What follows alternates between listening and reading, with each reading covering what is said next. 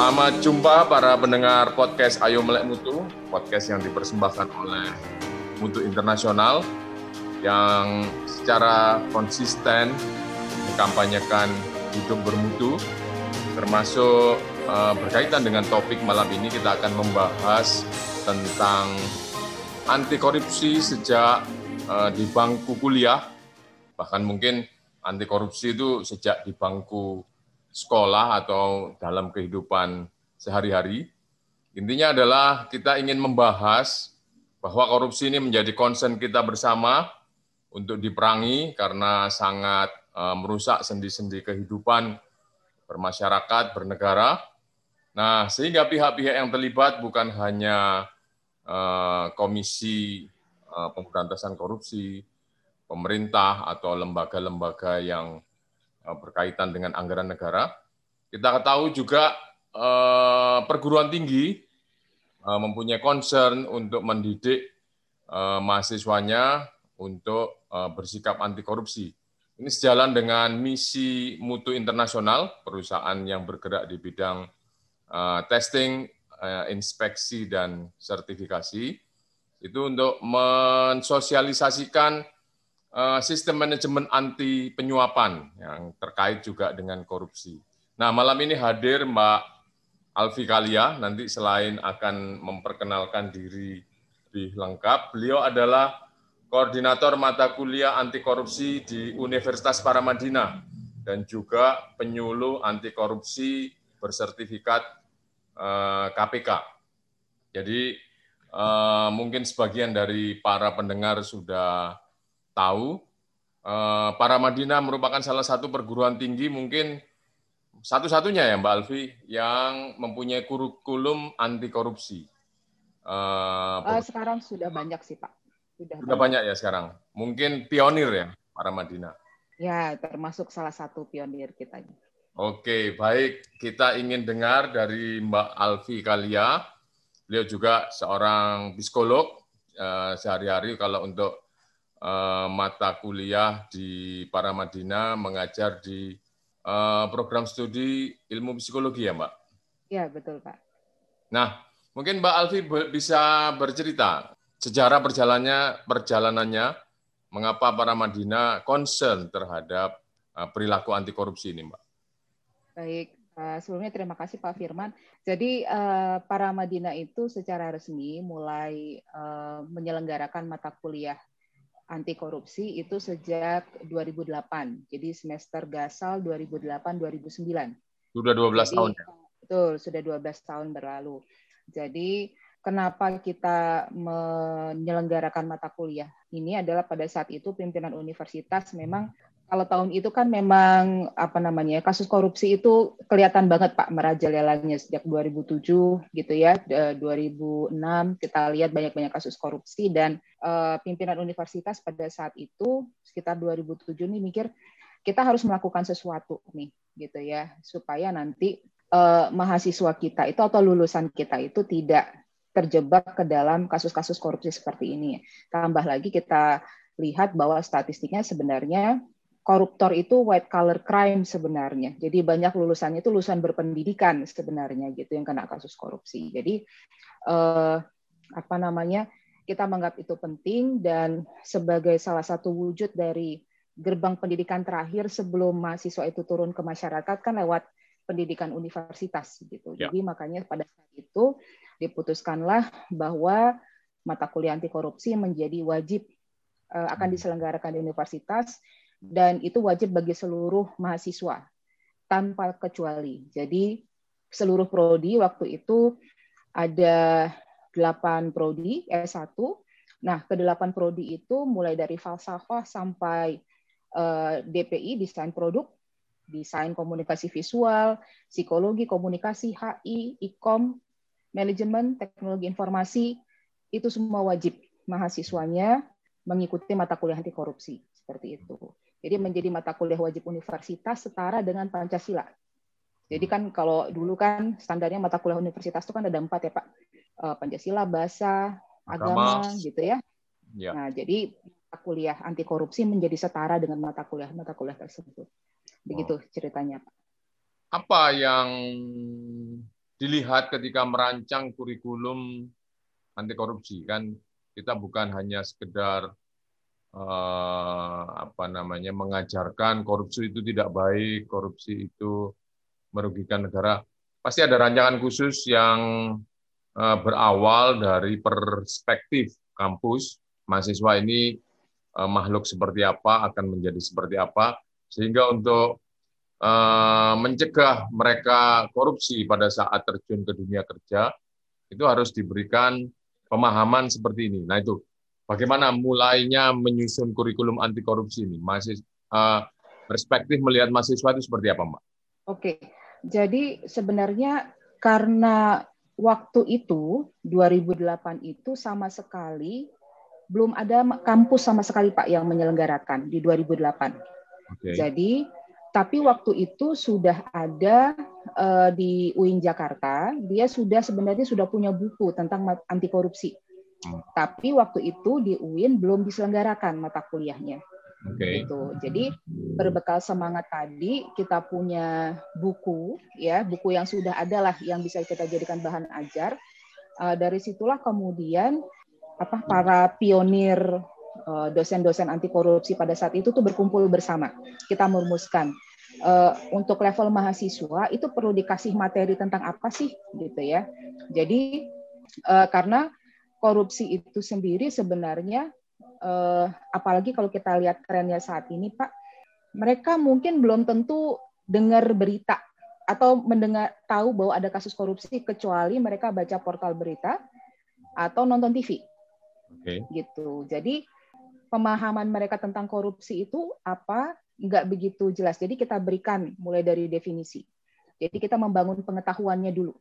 Okay. Ya, dari membangun pengetahuan ini kemudian kita mengajak mereka untuk melihat korupsi secara nyata. Hmm. Nah, mulailah nanti kemudian masuk kita ada investigasi okay. kasus korupsi kecil gitu. Nah, di sini mahasiswa kemudian turun langsung ke lapangan menyelidiki kasus korupsi. Nah, tentang ini kita juga dapat bantuan kalau saya nggak salah waktu itu dari ICW tentang bagaimana sih melakukan investigasi. Hmm. Nah, itu kita kerja bareng tentang uh, bagaimana menyusun materinya. Kemudian uh, melihat kasus korupsi itu di persidangan. Hmm.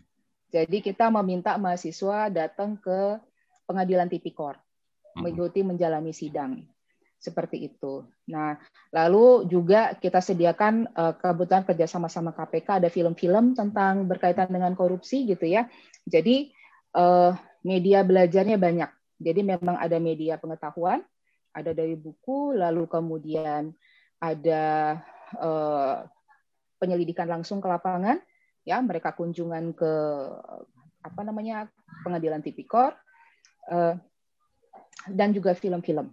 Hmm. Nah, perlu diingat 2008-2009 itu sangat limited sources, Pak. Jadi dari situlah kemudian sampai 12 tahun ini uh, pendidikan anti korupsi itu berkembang gitu ya. Uh, eh, KPK juga uh, apa namanya sebagai apa namanya lembaga yang memotori juga bagian di Kianmasnya juga kemudian menyer, apa memberikan fasilitas-fasilitas lah mulai dari game kemudian uh, berbagai buku yang jadi bisa jadi sumber dan juga untuk mahasiswa. Jadi begitulah awalnya kami merancang. Jadi kita tahu memang nggak mungkin cuma teori gitu ya hmm. untuk mahasiswa apalagi kami nggak punya fakultas hukum. Hmm. Nah jadi dengan kita nggak punya fakultas hukum jadi akhirnya materi tentang hukum memang kita masukkan tapi biasa kita mengundang narasumber dari KPK. Hmm. Nah itu juga pak uh, kuliah tamu kita undang pembicara-pembicara memang pakar dalam kasus-kasus korupsi, eh, pembahasannya, pendekatannya gitu ya. Nah, dari situlah kemudian perkuliahan ini menjadi berkembang. Oh, baik. Gitu, Kalau menurut para Madinah sendiri, apa itu Mbak korupsi? Kan tidak semua orang uh, mempunyai satu kata yang disebut korupsi kalau melakukan penggelapan dalam jumlah tertentu. Tapi ada juga yang ketika kita mengurus KTP di kelurahan pakai uang belikin itu adalah proses korupsi. Nah, menurut para Madinah sendiri apa itu Mbak korupsi? Korupsi itu kan kalau kita lihat dari bahasa Latin ya, itu adalah sesuatu yang rusak gitu ya. Nah, jadi mulai dari suatu perilaku yang menyimpang, perilaku yang tidak tepat, dan sebenarnya eh, kalau kami mungkin memandang korupsi itu bukan hanya dari korupsi sebagai eh, kasus kriminal yang berkaitan dengan keuangan negara, tapi juga berkaitan dengan eh, apa namanya perilaku koruptif berkaitan dengan integritas. Jadi hmm. bagaimana dia eh, apa namanya melakukan uh, perilaku yang menyimpang dari uh, apa namanya norma bukan norma aja ya apa namanya nilai-nilai kebaikan gitu ya ber, uh, menyimpang dari nilai-nilai kebaikan dan kemudian itu digunakan demi kepentingan pribadi hmm. gitu ya atau kalau kita lihat konteks yang lebih luas hanya uh, kepentingan golongan sehingga akhirnya uh, masyarakat banyak ya itu mendapatkan kerugian karena perilaku kita yang sifatnya sangat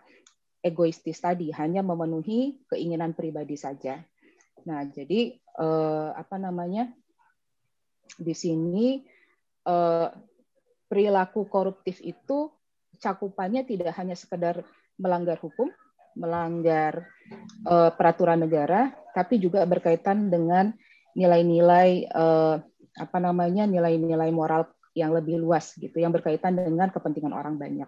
Kalau penyuapan kan sebetulnya tidak ada masyarakat luas yang dirugikan. Eh, seseorang memberikan upah atau stimulus yang di luar aturan atau di luar eh, apa namanya ketentuan, kemudian proses sesuatu tadi misalnya ngurus KTP menjadi lebih cepat Nah, kenapa dia dimasukkan penyuapan ini ke dalam korupsi, Mbak? Karena dalam uh, kalau misalnya saya baca peraturannya Pak atau kita lihat secara ininya, dalam penyuapan itu kan ada proses yang dilanggar sebenarnya. Oke. Okay. Ada proses yang dilanggar. Jadi misalnya katakanlah kita ngomongin KTP, ya, ya. membuat KTP harusnya tiga hari melalui suap, ya kita kemudian kita ingin mempercepat proses. Oke. Okay. Jadi ada kaitan dengan pelanggaran aturan yang ada sebenarnya dalam proses penyuapan tadi. Yang seharusnya katakanlah tiga hari, dia pengen hari itu selesai. Hmm. Gitu. Yang harusnya prosesnya panjang, dia pengen itu jadi lebih pendek. Oke. Okay. Nah, jadi dalam penyuapan mungkin tidak melanggar uh, kepentingan orang lain kalau kita lihat itu kan demi saya gitu. Tapi yeah. yang kita lihat kalau kita penyuapan yang seharusnya uh, ada orang lain yang duluan karena hmm. dia diproses lebih awal menjadi diundurkan karena kita gitu. Hmm. Jadi ada pelanggaran aturan sebenarnya dalam kasus penyuapan tersebut. Kalau dari perspektif psikologi, Mbak, mengapa orang menyuap, Mbak? Dan juga akhirnya kenapa orang itu mau disuap? Kalau misalnya penyuapan uh, kalau kita lihat dari pengendalian diri, ya, ya, berarti dia itu orang yang tidak bisa mengendalikan diri dalam artian saya mau cepat. Hmm. Ya enggan menunggu proses. Oke. Okay. Jadi kendali dirinya lemah dalam hal itu. Hmm. Ya, jadi uh, jadi uh, kendali dirinya bahwa saya yang harus utama, saya yang harus didulukan. Okay. Bahwa dia ada jeda waktu yang harusnya dia tunggu dia tidak bisa melakukan itu. Hmm. Itu jadi orang ini terbiasa yang kebutuhannya cepat sekali dipuaskan. Hmm. Orang yang tidak bisa uh, menunda dirinya. Ya. Gitu itu kalau dari segi pribadi. Terus tadi satu lagi apa Pak? Uh, Apa orang mau disuap, Mbak? Dari pihak oh. sebaliknya. Kenapa orang mau disuap? Uh, dari segi psikologi, satu uh, mungkin kalau kita lihat dari teori kebutuhan, uh, ada kebutuhan-kebutuhan yang uh, dengan apa namanya, dengan adanya peluang suap tadi, kebutuhan tadi bisa segera dia penuhi. Oke. Okay. Gitu. ada Tambahan dari income uh, lah ya, Mbak. Ya, basic needs-nya misalnya. Okay. Yang dianya bisa jadi karena kepepet perlu uang, ada peluang uang cepat, itu dia ambil gitu ya. Uh, lalu bisa jadi kita lihat faktor uh, apa namanya kalau secara sosial uh, dinamika antara bagaimana orang itu memandang dirinya dengan orang yang disuap. Hmm. gitu. Atau Relasi. orang yang kemudian disuap. ya relasinya. Jadi dia yang katakanlah merasa dirinya bukan siapa-siapa, terus ada orang yang punya kuasa lebih minta kepada dia, ya. Hmm. apa namanya konsep dirinya kurang bagus, self esteemnya kurang, bisa jadi nurut. Nanti misalnya takut di uh, pekerjaannya terancam, takut ini, takut itu gitu ya. Nah, ini yang kemudian bisa saja membuat dia akhirnya mau mengikuti itu. Jadi akhirnya memang kembali kepada individunya itu sendiri sebenarnya kenapa dia mau terjebak dalam kasus suap tadi. Nah, untuk pertanyaan yang pertama tadi, eh, kalau suatu proses harusnya tiga hari, kemudian kita ingin satu hari menempuhnya dengan menyuap, oke kita bisa mengerti seseorang ini mempunyai apa namanya ketidakmampuan untuk menahan diri. Tapi ada institusi yang misalnya uh, tadi uh, entah buat KTP, paspor atau SIM harusnya tiga hari selesai. Ada uh, pernyataannya selambat-lambatnya empat hari.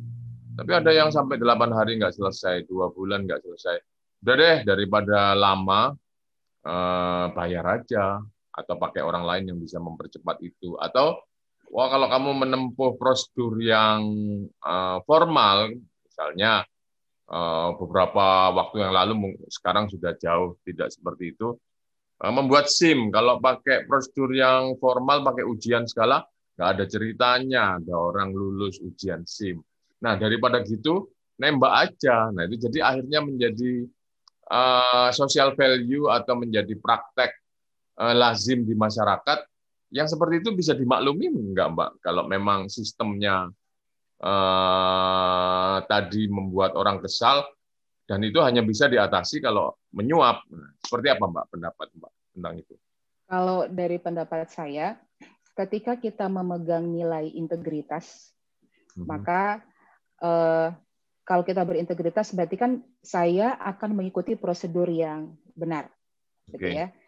Jadi katakanlah eh, ketika saya menyuap itu sebenarnya saya tidak ber, saya berbuat yang tidak benar okay. berdasarkan value saya misalnya.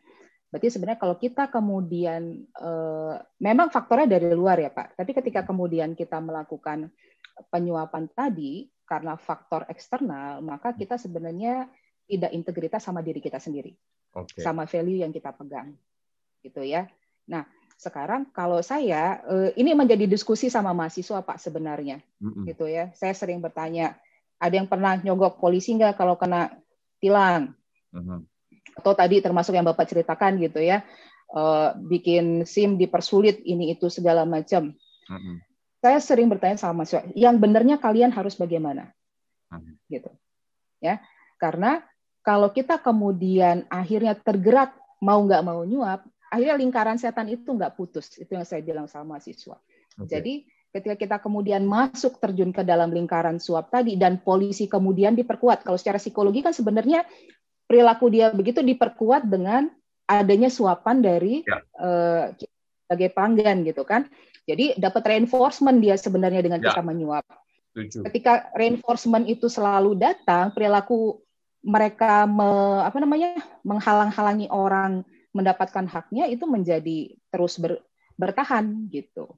Jadi kalau saya pribadi kita pakai mekanisme lapor hmm. bahwa ada tindak ini di tempat ini gitu ya dan sekarang kan sebenarnya banyak channel untuk melapor gitu hmm. uh, kita dipersulit dan seterusnya gitu ya jadi uh, ibaratnya dalam situasi apa pun sebenarnya jangan sampai kita kemudian terjun ke dalam situasi yang seperti tadi gitu masuk ya. ke dalam lingkaran saya, setan. Betul. Saya menyebutnya lingkaran setan karena nggak akan berhenti dia. Ya. Gitu. Nah, kemudian kalau keadaannya seperti itu, apa materi atau kurikulum yang diberikan oleh para Maduna untuk uh, membangun keberanian mahasiswa, memotong lingkaran setan, atau untuk uh, paham ada hak mereka, harus melapor, dan sebagainya. Apa, Mbak, di dalam materi yang uh, disediakan oleh para Madinah? Kan orang berpikir ya udahlah biar orang lain aja yang nggak nyuap. Saya sih butuh paspor cepat atau saya butuh SIM cepat. Uh, orang lain mau lapor silahkan seperti itu. Kalau dalam uh, materi kita itu ada instrumen pencegahan korupsi, hmm. gitu ya.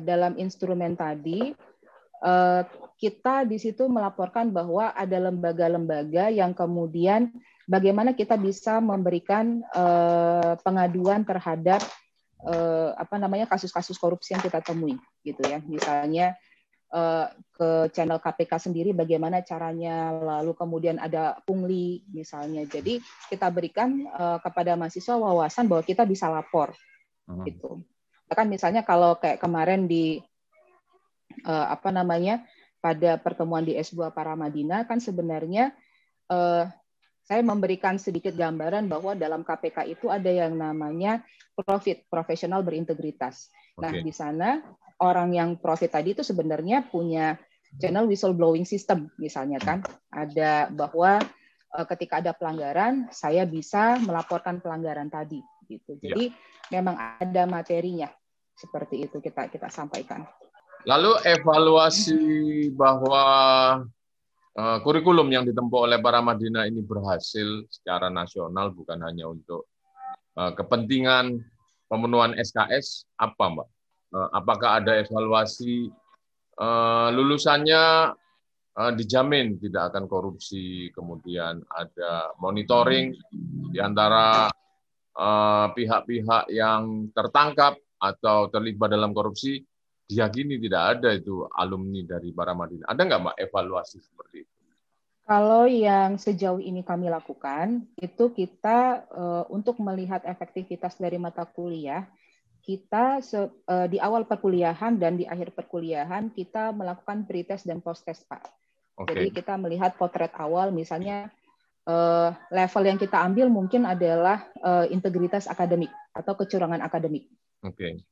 Jadi bagaimana mereka sebelum perkuliahan anti korupsi situasinya, lalu kita lihat uh, dari sikap, dari perilaku, gitu ya, dan uh, belief mereka tentang seberapa mampu mereka menahan diri dari korupsi gitu kita tanyain. Lalu setelah mata kuliah diberikan di akhir perkuliahan kita kasih post test. Hmm. Uh, pertanyaan yang sama di, kita berikan, lalu kemudian kita evaluasi. Ada uh, dari perilaku kecurangan akademiknya seperti apa, dari sikapnya terhadap perilaku kecurangan akademik itu seperti apa, lalu belief mereka tentang diri mereka sendiri seperti apa. Seperti itu kita lakukan. Uh, lalu uh, kita juga melihat dievaluasi kita minta mereka saran terhadap mata kuliah itu apa gitu ya saran terhadap mata kuliah. Nah, lalu kalau untuk evaluasi yang lebih luas misalnya terhadap alumni uh-huh. itu biasanya kita barengin sama uh, ini tracer study, Pak. Okay. Gitu. Jadi dari tracer study kan kita bisa lihat feedback dari pengguna lulusan ataupun lulusannya sendiri terhadap mata kuliah. Kalau dari uh, user dari uh, kita bisa lihat misalnya aspek integritasnya bagaimana mahasiswa uh, apa alumni kita di sana gitu. Sejauh nah, ini kalau dilihat Pak? dari korupsi sejauh ini hasil sejauh ini sih buat mahasiswa yang masih aktif tadi setelah uh, post test berarti kan dia masih tercatat sebagai mahasiswa maupun yang sudah di uh, tracer study uh, bagaimana evaluasi dari hasil kurikulum anti korupsi ini sejauh ini sesuai dengan yang kami harapkan. Jadi misalnya kalau terhadap perilaku koruptif itu berkurang gitu ya. Eh, lalu kalau dari sikap berkurang, dari perilaku juga ada berkurang gitu. Walaupun ini sifatnya self report ya. Eh, lalu kemudian eh, kalau dari tracer study juga integritasnya baik secara keseluruhan dari uh, berdasarkan uh, laporan dari uh, user gitu maupun juga dari mahasiswa merasa ada manfaatnya dari mata kuliah ini dan hmm. juga kalau misalnya kita lihat skala korupsi nasional gitu ya hmm. alhamdulillah sih sampai sejauh ini kita belum dapat nih jangan sampai lah ibaratnya ada lulusan kita yang ada di sana Ya. Gitu. Soalnya pada saat akhir kuliah apa mereka yudisium pun kita bilang menjaga nama baik universitas gitu kan. Jadi eh, jangan sampai deh kata, apa melakukan hal-hal yang seperti itu gitu. Oke. Gitu Pak kira-kira. Nah, tentu para Madinah tidak bisa bekerja sendiri untuk turut membangun ekosistem anti korupsi, perlu kerjasama dengan pihak-pihak lain ada nggak Mbak kerjasama dengan pihak-pihak lain yang di luar dunia pendidikan, mungkin dengan swasta atau apa pun, ini untuk memperkuat hasil dari uh, kurikulum anti korupsi di Paramadina? Sejauh ini sih yang kerjasama konsisten itu adalah dengan KPK, ya dengan KPK karena bagian di Kianmasnya uh, kita uh, selalu mengundang mereka dalam kegiatan uh, mata kuliah anti korupsi sebagai narasumber misalnya lalu dosen-dosen anti korupsi kita pun juga bersama KPK itu terlibat dalam kegiatan KPK lah baik itu pembuatan buku ataupun misalnya beberapa dosen anti korupsi kami termasuk saya itu juga menjadi apa narasumber yang dibawa KPK untuk mendorong kampus-kampus lain menyelenggarakan pendidikan anti korupsi seperti hmm. itu. Nah, yang kemarin juga sempat kita jajaki juga dengan Mutu Agung sebenarnya ya. Jadi bagaimana uh, apa namanya uh, kaitannya karena kebetulan di mahasiswa S2 kita ini uh, mereka tidak mendapatkan mata kuliah, tapi kita membuka akhirnya dalam bentuk kuliah umum gitu. Okay. Dalam kuliah umum ini uh, kemarin juga uh, bersama Mutu Agung juga menjadi narasumber dalam apa namanya sistem perusahaan yang uh, apa namanya anti penyuapan kalau saya nggak salah ya Pak ya. Ya, sistem manajemen anti penyuapan ISO ya, sistem Ya, kita perkenalkan itu dan juga uh, kayaknya mulai rutin nih mata apa namanya uh, sesi mata kuliah anti korupsi menjadi bagian dari uh, apa namanya uh, orientasi mahasiswa baru S2. Tentu dengan konteksnya konteks uh, mereka yang sudah bekerja gitu ya.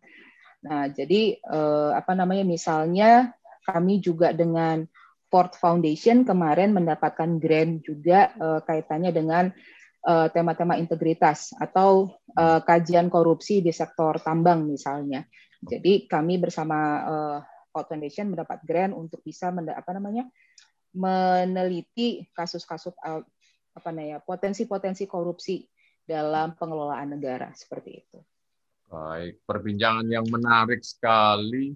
Banyak hal yang mungkin uh, belum diketahui uh, pemirsa, terutama pemirsa podcast Melek Mutu ini, bahwa korupsi itu spektrumnya luas, bukan hanya soal uh, penggelapan atau menguasai anggaran pemerintah secara tidak sah dan sebagainya, tapi mulai dari uh, menyuap saat pembuatan KTP, kemudian uh, apa namanya melicinkan proses waktu kita ditilang, termasuk tadi sempat disebut bagaimana pelanggaran akademik, nyontek mungkin ya Mbak, uh, kemudian uh, termasuk plagiasi, itu bagian dari korupsi.